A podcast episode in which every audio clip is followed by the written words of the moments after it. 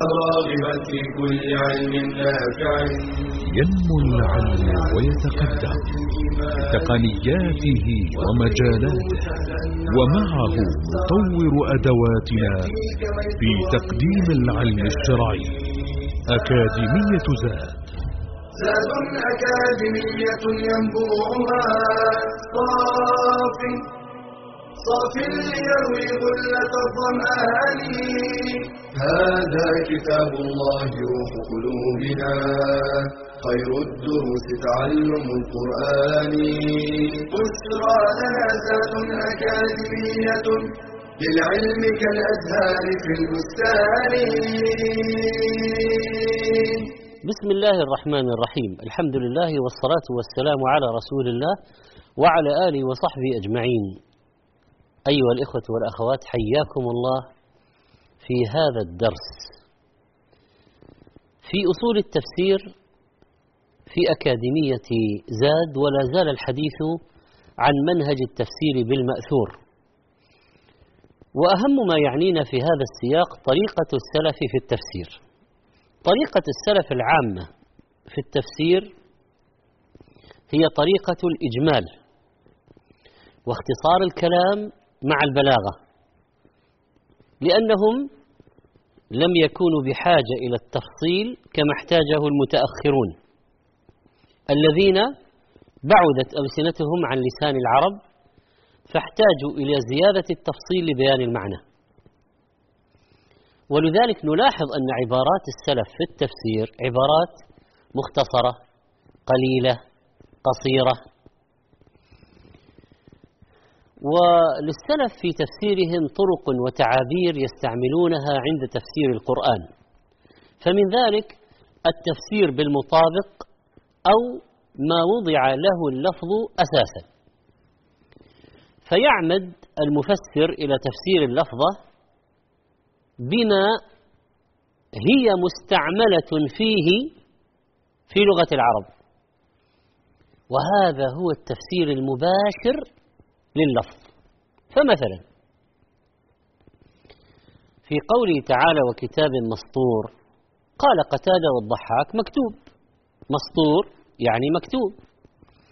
في قوله تعالى وبست الجبال بسا يعني فتتت تفتيتا كما جاء عن ابن عباس ومجاهد وغيرهما. فتتت. في تفسير قوله تعالى وهو الغفور الودود الودود المحب لأوليائه. هذا نوع. النوع الآخر من أنواع التفسير بالمأثور التفسير باللازم. وهو المعنى المستفاد لم يدل عليه اللفظ مباشرة ولكن يلزم منه عقلا أو عرفا. كالكتابة مثلا تستلزم كاتبا. من أمثلة هذا تفسير الودود بالمحبوب من أوليائه. هذا ليس تفسيرا لفظيا ليس تفسير لفظة الودود بما هي عليه أصلا في لغة العرب لأنها أصلا الواد لأوليائه. لكن لما فسرت بالمحبوب من أوليائه هذا اسمه تفسير باللازم لأنه يلزم من الودود الواد لأوليائه أن أولياءه يحبونه أيضا. في قوله تعالى واتل عليهم نبأ الذي أتيناه آياتنا فانسلخ منها فأتبعه الشيطان فكان من الغاوين ولو شئنا لرفعناه بها. قال ابن عباس لو شئنا لرفعناه بعلمه. وقال الطائفة الضمير في قوله لرفعناه عائد على الكفر والمعنى لو شئنا لرفعنا عنه الكفر بما معه من آياتنا. قال مجاهد وعطاء لرفعناه عن الكفر بالإيمان وعصمناه. وهذا المعنى حق لكنه ليس هو مدلول اللفظة مباشرة. وإنما هو من لوازم المراد. والسلف كثيرا ما ينبهون في كلامهم في التفسير على لازم معنى الآية وليس على المعنى المباشر. لللفظة أو الجملة في الآية. فيظن الظان أن هذا هو التفسير المباشر وليس كذلك. نوع ثالث التفسير بجزء المعنى والمقصود بذلك أن المفسر يذكر من المعنى الذي يحتمله اللفظ جزءا منه لا كله. لماذا؟ ليدل به على باقي المعنى. مثال في قوله تعالى وجعلني مباركا أينما كنت. فسر بعضهم مباركا أي معلما للخير أينما كنت. قال ابن القيم رحمه الله وهذا جزء مسمى المبارك. لأن المبارك أصلا المعنى المباشر لللفظة كثير الخير في نفسه. ومن هذا الخير؟ أن يعلم غيره أن ينصح غيره أن يدعو غيره وهكذا. نوع آخر التفسير بالمثال.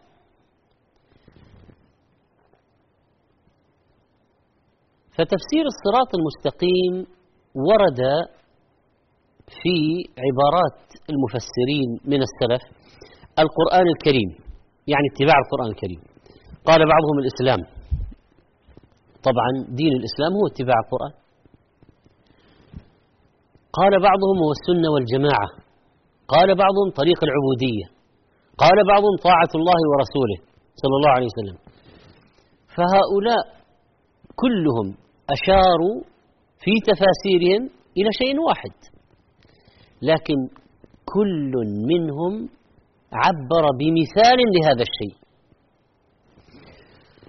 وقوله سبحانه وتعالى إن الحسنات يذهبن السيئات. قيل الحسنات الصلوات.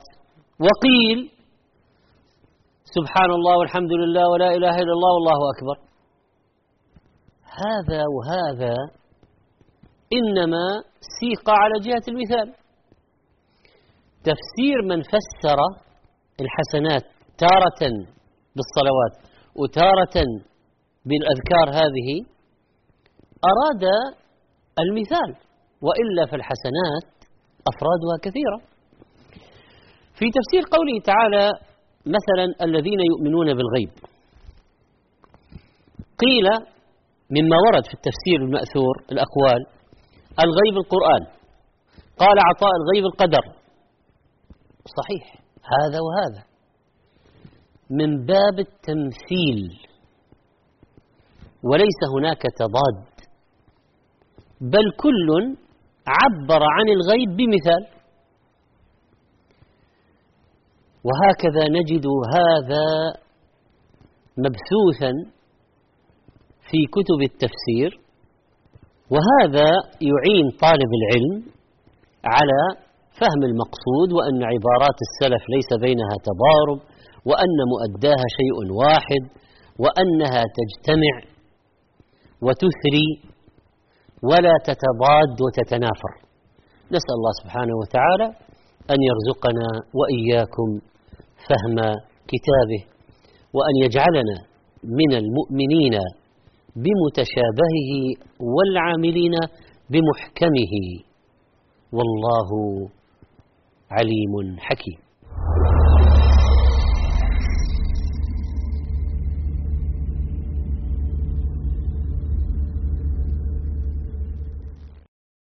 مجموعة زاد تقدم لكم نخبة مميزة من إصداراتها. كتاب كيف عاملهم صلى الله عليه وسلم للشيخ محمد صالح المنجد. أربعون نصيحة لإصلاح البيوت. أدرك أهلك قبل أن يحترقوا. المجمعات التجارية آداب وأحكام. زاد الحج. زاد الصائم. طوبى للشام.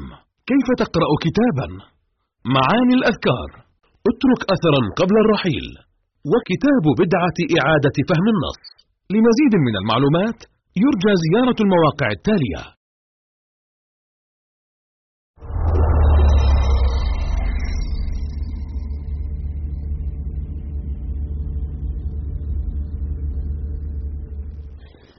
الحمد لله حياكم الله أيها الإخوة والأخوات مرحبا بكم مرة أخرى.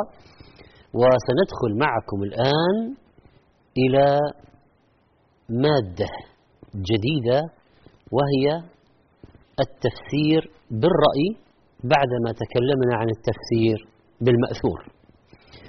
وقلنا التفسير المأثور ما جاء في القرآن الكريم نفسه ما نقل عن النبي صلى الله عليه وسلم أو عن أصحابه بيانا لمراد الله من كتابه.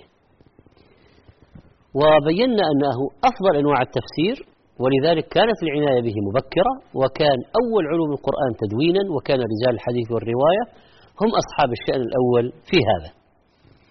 تكلمنا عن الاختلاف الوارد في التفسير وأنه اختلاف في اللفظ دون المعنى أو فيهما معا والآية تحتمل معنيين أو فيهما معا والآية لا تحتمل المعنيين معا وضربنا أمثلة لكل نوع. ثم تكلمنا عن أسباب الاختلاف بين مفسري السلف وطريقة السلف في التفسير. في هذا الدرس نتكلم بمشيئة الله تعالى عن المنهج الثاني من مناهج المفسرين وهو التفسير بالرأي. طبعا التفسير بالرأي المحمود وليس المذموم هو ما يعرف بالدراية والأول هو ما يعرف بالرواية. إذا التفسير بالمأثور هو التفسير بالرواية التفسير بالرأي المحمود هو التفسير بالدراية. التفسير بالرأي والتفسير بالدراية ما اعتمد المفسر فيه على الاجتهاد والاستنباط وإعمال عقله مع علمه المستند إلى الأصول الشرعية واللغوية مستخدما آلات الاجتهاد في هذا. لكن من الذي يجوز له التفسير بالرأي؟ ويقول مثلا أنا أفهم من الآية كذا. الآية معناها كذا ويعبر من عنده. الحقيقة أنه ليس كل أحد يجوز له هذا بل هذا مزلق خطير. أن يقول أحد في كلام الله ما ليس مرادا لله ويخبط خبط عشواء لا. ولذلك ضبط العلماء هذا الباب. قالوا لا يجوز التفسير بالرأي إلا لمن كان عالما باللغة العربية والنحو والصرف والبلاغة. وناسخ القرآن ومنسوخه وأسباب النزول والسنة صحيحها وضعيفها وأصول الفقه. فيحرم التفسير على من لا تتوفر فيه تلك الشروط. ولذلك لما نقسم التفسير بالرأي إلى نوعين رأي محمود ورأي مذموم يتبين الفرق على ضوء ما تقدم. فالرأي المحمود هو ما كان مستنده الأصول العلمية من الشرع واللغة وفق ضوابط دقيقة واضحة فهذا منهج جيد. ويدل على جواز القول بالرأي المحمود آه، الآيات الآمرة بالتدبر عموما كقوله تعالى أفلا يتدبرون القرآن؟ وقوله سبحانه كتاب أنزلناه إليك مبارك ليدبروا آياته وليتذكر أولو الألباب ونحوها. والتدبر هو التفكر والتأمل في معاني الآيات وما هو المراد منها.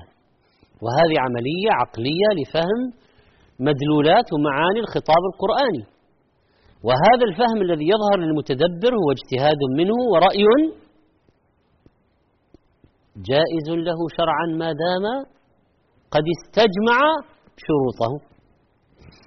ويدل على جواز القول بالرأي المحمود أيضا دعاء النبي صلى الله عليه وسلم لابن عباس رضي الله عنهما اللهم فقهه في الدين وعلمه التأويل. حديث صحيح رواه الإمام أحمد وأصله في الصحيحين. فالمقصود إذا بالتأويل في الحديث السابق الفهم في القرآن. وهذا الفهم إنما هو رأي لصاحبه لكن من هو صاحبه؟ عندما يكون مثل ابن عباس نعم ونعم. ويدل على جواز تفسير القرآن بالرأي المحمود أيضا إقرار رسول الله صلى الله عليه وسلم اجتهاد المتمكنين من الصحابة في التفسير. فمن ذلك ما جاء في قصة عمرو بن العاص رضي الله عنه لما احتلم في ليلة باردة في غزوة ذات السلاسل قال فأشفقت إن اغتسلت أن أهلك فتيممت ثم صليت بأصحابي الصبح. فذكروا ذلك للنبي صلى الله عليه وسلم فقال يا عمرو صليت بأصحابك وأنت جنب؟ قال فأخبرته بالذي منعني من الاغتسال. وقلت إني سمعت الله يقول ولا تقتلوا أنفسكم إن الله كان بكم رحيما. فضحك رسول الله صلى الله عليه وسلم ولم يقل شيئا. رواه أبو داود وهو حديث صحيح. إذا أقره النبي صلى الله عليه وسلم على فهمه للآية ولم ينكر عليه. وجاء في حديث مسعود رضي الله عنه قال لما نزلت الذين آمنوا ولم يلبسوا إيمانهم بظلم شق ذلك على أصحاب رسول الله صلى الله عليه وسلم. وقالوا أينا لا يظلم نفسه؟ فقال النبي صلى الله عليه وسلم ليس هو كما تظنون إنما هو كما قال لقمان لابنه يا بني لا تشرك بالله إن الشرك لظلم عظيم. رواه البخاري ومسلم. ويدل على جواز تفسير القرآن بالرأي المحمود أيضا عمل الصحابة رضي الله عنهم. ومن ذلك قول صديق الأمة أبي بكر رضي الله عنه عن الكلالة إني قد رأيت في الكلالة رأيا فإن كان صوابا فمن الله وحده لا شريك له. وإن يكن خطأ فمني والشيطان والله منه بريء. إن الكلالة ما خلا الولد والوالد. إذا الذي لا أصول له ولا فروع أحياء موجودين هو الكلالة. وسئل علي رضي الله عنه هل عندكم شيء من الوحي إلا ما في كتاب الله؟ قال لا. والذي فلق الحبة وبرأ النسمة ما أعلمه إلا فهما يعطيه الله رجلا في القرآن. لاحظوا أيها الإخوة والأخوات إلا فهما يعطيه الله رجلا في القرآن. طبعا رجلا يعني شخصا وهذا التنكير لتعظيم حال هذا الرجل وهذا الشخص وأنه بلغ المبلغ الذي ينعم الله به عليه بفهم صحيح في القرآن.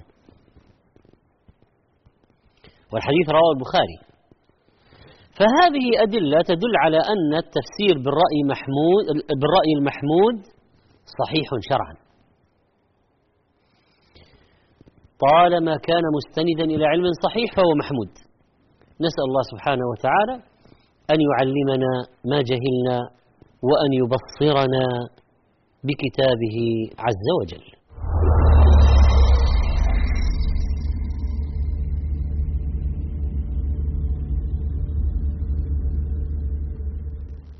إذا أحببت أن تتعرف على دينك أكثر أن تزداد علما وتنهل خيرا أن تسمع وترى ما يقربك من ربك ويحببك في نبيك وتزكو به نفسك.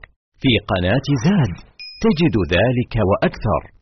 تصفح وتجول في واحة إيمانية من مقاطع مميزة من إنتاج مجموعة زاد تتنوع بين المادة العلمية والرقائق الإيمانية والفواصل الدعوية المحترفة إعلامية والمؤصلة منهجية. تخاطب الرجال والنساء الكبار والصغار تدعو البعيد وتؤنس القريب. مقاطع motion graphic مميزة دورات علمية متخصصة فواصل درامية شيقة لقاءات دعوية ممتعة برامج تلفزيونية وندوات شرعية. شاهد شارك انشر.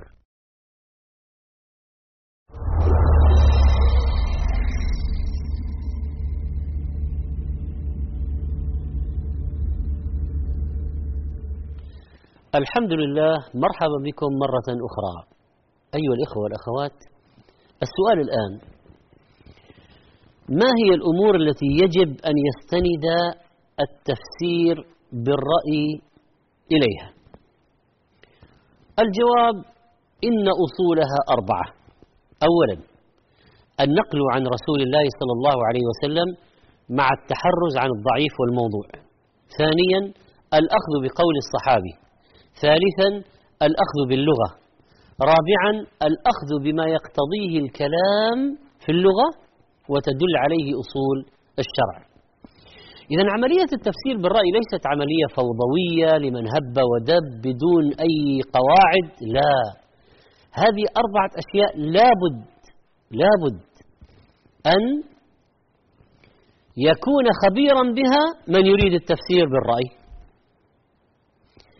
فمن فسر القرآن برأيه يعني باجتهاده ملتزما بهذه الأشياء والقواعد معتمدا عليها كان تفسيره سائغا جائزا محمودا. ومن لم يكن خبيرا بها بل حاد عنها وتركها. وفسر القرآن بما تسنح به عقليته وخواطره وكأنه يقول أحس وأشعر وخطر ببالي وعندي دون أن يعتمد على تلك القواعد والأصول كان تفسيره ساقطا مرذولا مذموما بل كثيرا ما يخطئ ويشطح ويكون بعيدا عن الصواب. إذا التفسير بالرأي الجائز يجب أن يلاحظ فيه الاعتماد على ما نقل عن النبي صلى الله عليه وسلم وأصحابه مما ينير السبيل للمفسر برأيه وأن يكون عارفا بقوانين اللغة خبيرا بأساليبها بصيرا بأصول الشريعة بأصول الفقه حتى ينزل كلام الله تنزيلا صحيحا. السؤال الآن ما هي شروط التفسير بالرأي المحمود وما هي آداب المفسر؟ ذكر العلماء للمفسر شروطا. أولا صحة الاعتقاد فالعقيدة لها أثرها وكثيرا ما تحمل العقائد الزائغة المنحرفة أصحابها على تحريف النصوص لأجل تأييد بدعته. فإذا صنف أحدهم كتابا في التفسير أول وحرف الآيات التي تخالف عقيدته إلى معاني باطلة ليست هي مراد الله عز وجل. من أجل نصرة بدعته ويصد الناس عن اتباع هدي السلف وطريق الهدى. شرط آخر في المفسر هذا التجرد عن الهوى فالأهواء تدفع أصحابها إلى نصرة مذاهبهم فيغرون الناس بلين الكلام ولحن البيان. آه، ومن المشهورين بالاهتمام باللغة والفصاحة والبيان لنصرة بدعتهم المعتزلة. هذا واضح. يعني عمرو بن عبيد كان فصيحا الزمخشري كذلك وغيرهم. وأيضا أن يبدأ المفسر أولا بتفسير القرآن بالقرآن. فما أجمل منه في موضع فإنه قد فصل في موضع آخر وما اختصر منه في مكان فإنه قد بسط في مكان آخر. ثم أن يطلب التفسير من السنة لأن شارح للقرآن موضح له كما قال تعالى وأنزلنا إليك الذكر لتبين للناس ما نزل إليهم ولعلهم يتفكرون ثم يذهب إلى أقوال الصحابة لأنهم أدرى بالقرآن منه وقد شاهدوا القرائن والأحوال عند نزول القرآن ولهم الفهم التام والعلم الصحيح. فإذا لم يجد رجع إلى أقوال التابعين ورؤوسهم في التفسير كمجاهد بن جبر وسعيد بن جبير وعكرمة مولى بن عباس وعطاء بن أبي رباح والحسن البصري ومسروق بالأجدع وسعيد بن المسيب وقتادة وغيرهم من التابعين.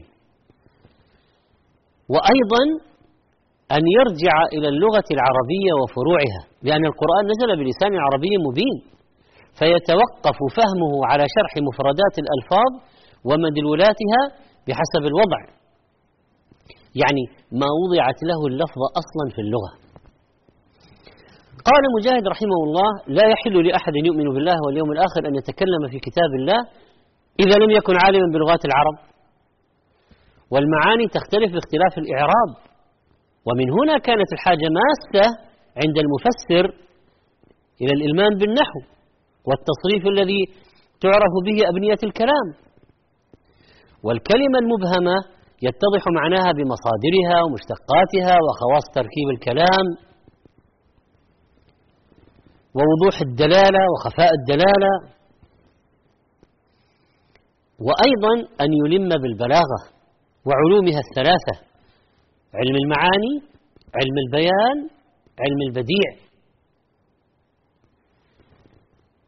ومراعاة ما يقتضيه الإعجاز. ومن شروط ونحن ذكرنا الآن يعني هذا الذي يفسر بالرأي لابد أن يعود إلى تلك الأشياء يعني تفسير القرآن بالقرآن وبالسنة وبأقوال الصحابة والتابعين واللغة آه، قبل أن يفسر برأيه. فلماذا يقدم رأيه على تفسير القرآن بالقرآن؟ وكيف يقدم رأيه على تفسير القرآن بالسنة؟ وكيف يقدمه على تفسير الصحابة والسلف؟ لكن عندما يورد هذه ثم يريد أن يذكر شيئا مما فهمه فيكون قد عرف تلك الأشياء. وقد لا يجد مثلا تفسير القرآن بالقرآن والسنة والصحابة والتابعين فيكون عند إراده لرأيه في التفسير قد استفرغ الوسع في تلك الأمور ما وجد منها شيئا مثلا فبناء على اللغة وعلى البلاغة وعلى الأصول يستطيع أن يعطي رأيا أقرب إلى الصواب أقرب ما يكون إلى الصواب. ومع ذلك لابد أن يكون عنده من الشروط العلم بأصول العلوم المتصلة بالقرآن كعلم القراءات لأن به يعرف كيفية النطق بالقرآن. ويترجح به بعض وجوه الاحتمال على بعض وعلم الأصول أصول التفسير معرفة أسباب النزول الناسخ والمنسوخ. ومن شروط المفسر الذي يفسر برأيه أن يكون دقيق الفهم قادرا على الاستنباط لماحا نبيها عميق الفكر حتى يستطيع أن يقدم رأيا سديدا في التفسير. طيب عرفنا الشروط. فما هي الآداب؟ آداب المفسر أولا حسن النية والإخلاص لله وصحة القصد. فإنما الأعمال بالنيات والعلوم الشرعية أولى بأن يكون هدف صاحبها منها الخير العام. وإسداء المعروف لصالح الإسلام وأن يتطهر من أعراض الدنيا وأغراضها الفاسدة حتى يحصل الانتفاع بعلمه. ثانيا حسن الخلق. فالمفسر في موقف المؤدب ولا تبلغ الآداب مبلغه مبلغها في النفس إلا إذا كان المؤدب مثالا يحتذى في الخلق والفضيلة والكلمة النابية قد تصرف الطالب عن الاستفادة منه وتقطع عليه مجرى تفكيره. وثالثا الامتثال والعمل. فالعلم يجد قبولا من أصحابه العاملين أضعاف ما يجد من غيره.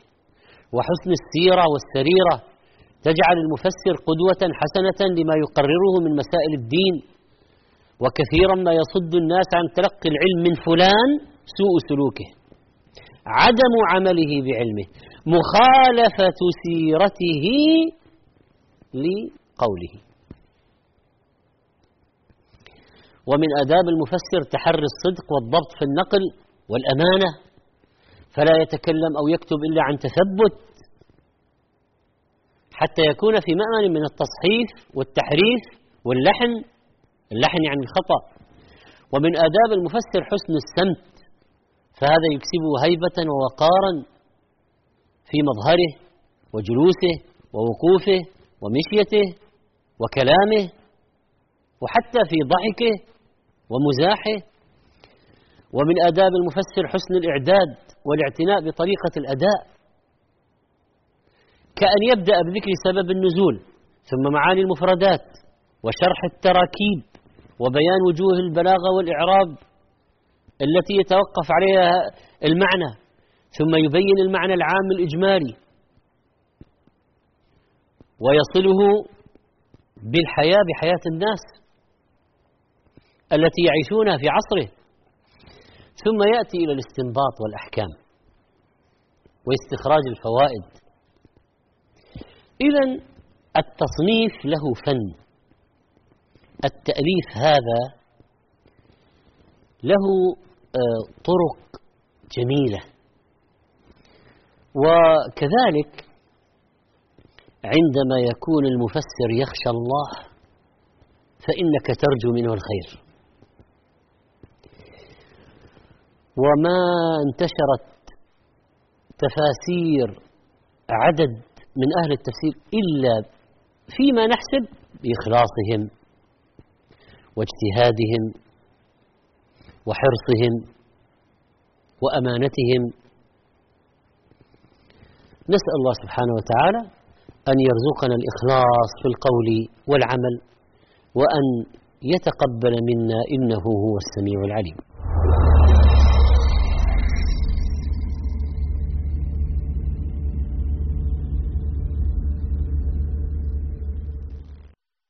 أول قناة تعليمية شرعية في مجال التعليم الشرعي عن بعد تبث على القمر الأوروبي هوت بيرد.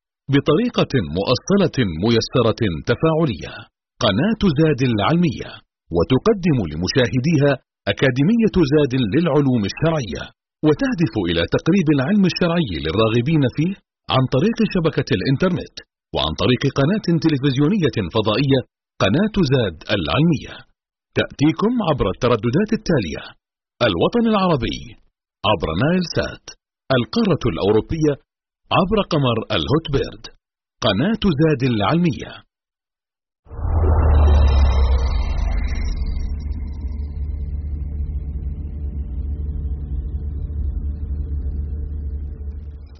الحمد لله وعودة إليكم مرة أخرى أيها الإخوة والأخوات مرحبا وأهلا. تكلمنا عن الرأي المحمود. فلنتكلم ثانيا عن الرأي المذموم في التفسير وهو ما كان باعثه الهوى المحض والجهل. صدر عن غير علم بلا دراية فهو قول في القرآن بغير علم وقول على الله بلا علم. وقد حذرنا الله فقال وأن تقولوا على الله ما لا تعلمون.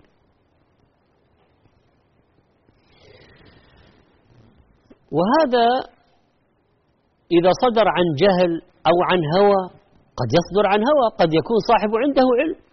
لكنه تكلم في القرآن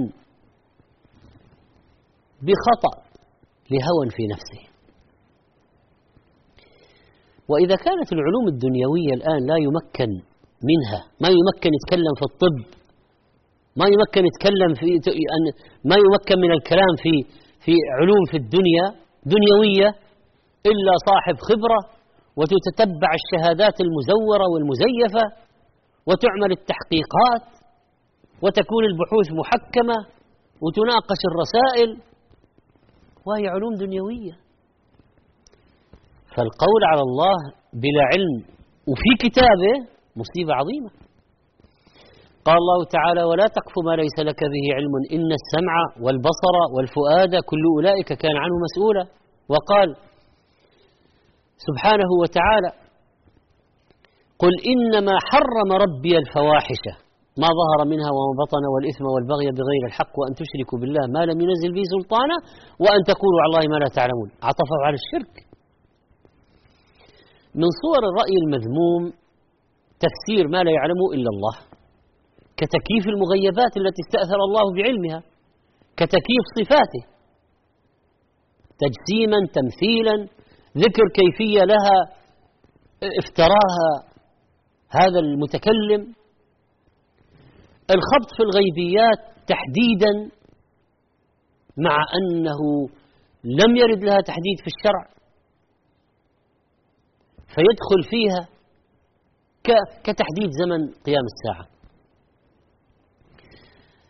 وكذلك آه، أن يذكر مثلا السنة التي ستخرج فيها الدابة والسنة التي سينزل فيها عيسى ونحو ذلك من الكلام على الله بلا علم. هذه أشياء لا سبيل البشر إلى معرفتها.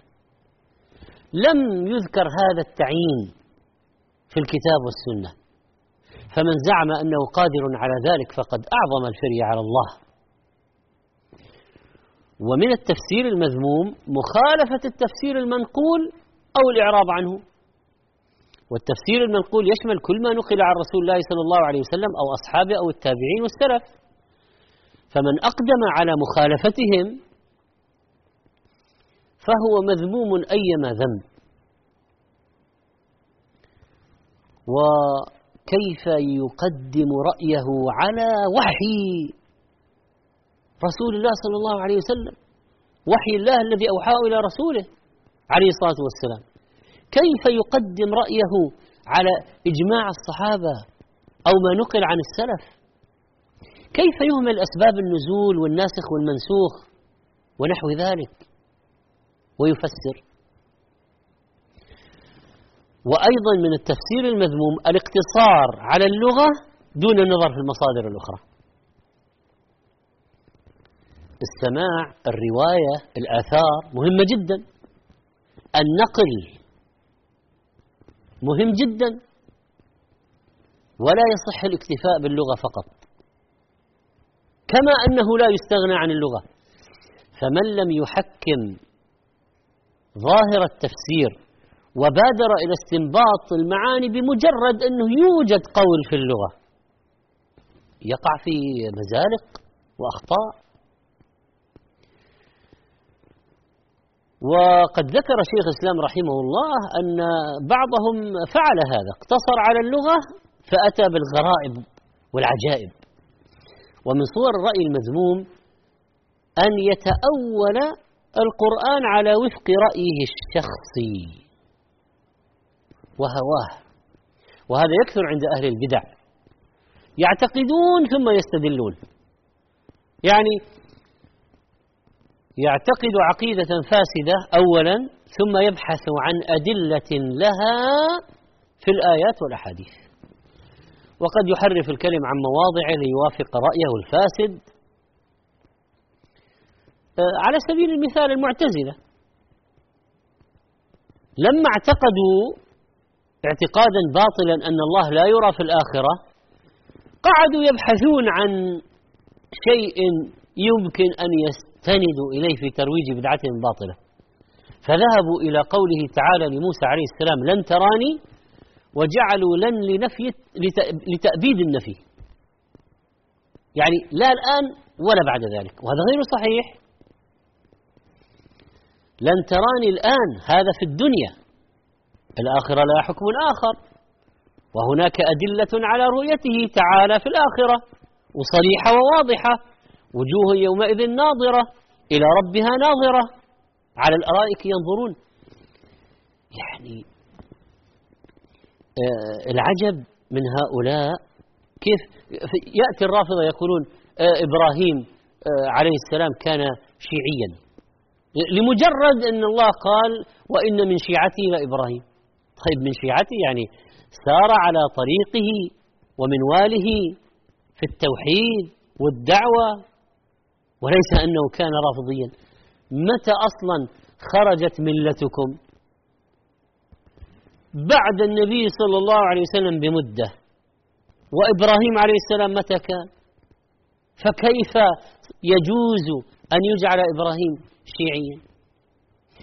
عليه هذه أشياء مضحكة تأتي عن بعضهم وكذلك مثلا استدل بعض الصوفية على جواز الرقص الصوفي بقوله تعالى اركض برجلك. هل الآية تدل عليه؟ لا والله لا من قريب ولا من بعيد. وكذلك من المضحكات أن بعضهم لما سئل عن الحجة في الرقص أن أنتم عندكم رقص الصوفي هذا ما دليله؟ قال إذا زلزلت الأرض زلزالها. نعوذ بالله. وهذا يعني هذه الأقوال الفاسدة أحيانا يكفي يعني في بيان فسادها روايتها فقط حتى لو ما علق عليها أحد. من أمثلة الرأي المذموم في التفسير تفسير قول الله تعالى الرحمن العرش استوى باستولى. قالوا استوى يعني استولى. استوى في اللغة معروفة. استوى ارتفع استوى على.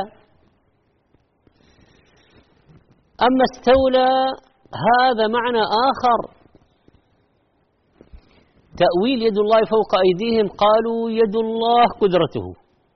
يا جماعة اليد معروفة في اللغة. والقدرة معروفة في اللغة. وليست اليد هي القدرة في اللغة. وقد دل على أن لله يد تليق بجلاله وعظمته نصوص متعددة. لما خلقت بيدي. وكذلك يحرف بعضهم وجاء ربك قالوا جاء أمره. لماذا أضفت هذه الكلمة؟ لماذا أقحمتها في الآية؟ مذكورة فيها؟ وجاء ربك ما هو ظاهرها؟ جاء تعالى بنفسه. جاء تعالى بذاته مجيئا يليق بجلاله وعظمته. وهنالك تنخلع قلوب الكفر الفجرة إذا جاء الله في ظلل من الغمام والملائكة ونزل الملك بجنوده. يأتيهم في ظلل من الغمام. وجاء ربك والملك صفا صفا. فيفسر برأيه آه، ويصرف اللفظ عن ظاهره بدعة وفاسدة ويقول أنا أفر من مشابهة الله لخلقه. نقول هل اتبعت قول الله؟ ليس كمثله شيء وهو السميع البصير. فنفى مشابهته لخلقه وأثبت لنفسه السمع والبصر. وهل إذا اثبتت له سمعا وبصرا تكون قد شبهته بخلقه؟ وهل يلزم هذا من هذا؟ وإذا كنت تثبت له سمعا وبصرا فلم لا تثبت له يدا ووجها يليق به عز وجل؟ وهكذا نجد معنى العبارة الذهبية للإمام مالك رحمه الله الاستواء معلوم والكيف مجهول والإيمان به واجب والسؤال عنه بدعة فسر بعضهم مثلا قول الله تعالى إن الله مبتليكم بنهر فمن شرب منه فليس مني ومن لم يطعمه فإنه مني إلا من اغترف غرفة بيده فشربوا منه إلا قليلا منهم. قالوا هذا مثل ضربه الله للدنيا يشبه وشبهها بالنهر والشارب منه بالمائل إليها والمستكثر منها والتارك لشربه بالمنحرف عنها والزاهد فيها والمغترف منه بيده بالآخذ منها على قدر حاجته. نقول قل إن في الآية عبرة لكن لا تقل هذا تفسيرها لأن تفسيرها واضح في قصة طالوت طالوت ومن معه من بني إسرائيل. في فرق بين التفسير أن تقول معنى الآية كذا وبين استنباط استلماح يؤخذ منها. فإذا من المشكلات أحيانا أو من الأخطاء أن بعضهم يعني يسبق إلى إلى فهمه مثلا آه، درسا يستفاد آه، عبرة فيجعلها تفسيرا للآية.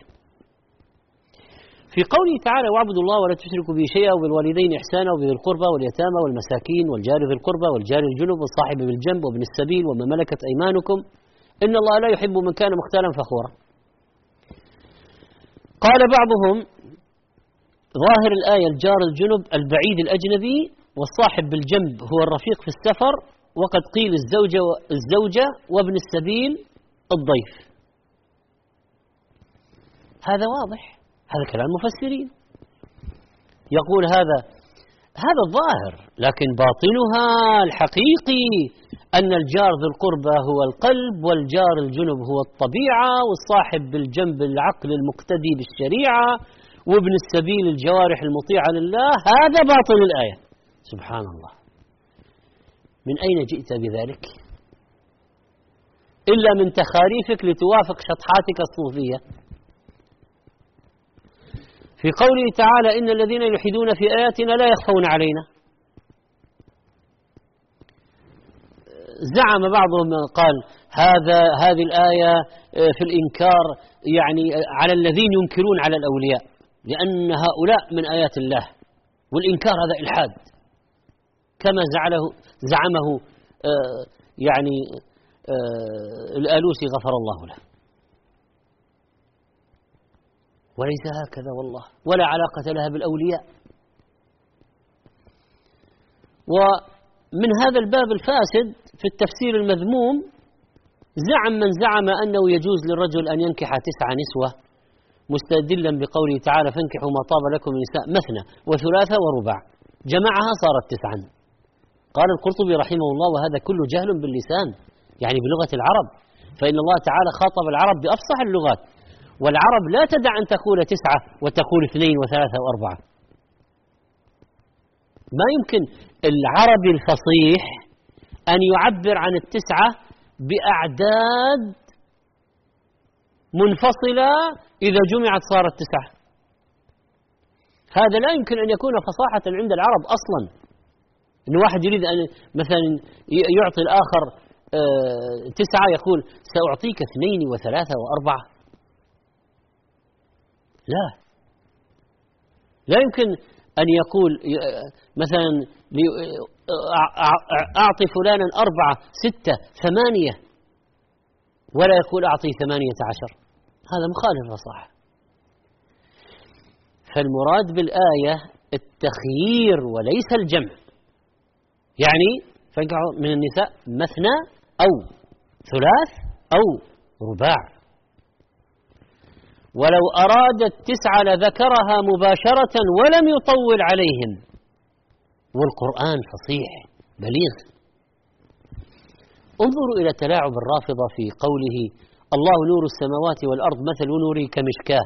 قالوا فاطمة فيها مصباح قالوا الحسن في زجاجة قالوا الحسين نور على نور قالوا إمام بعد إمام من الأئمة الاثني عشر.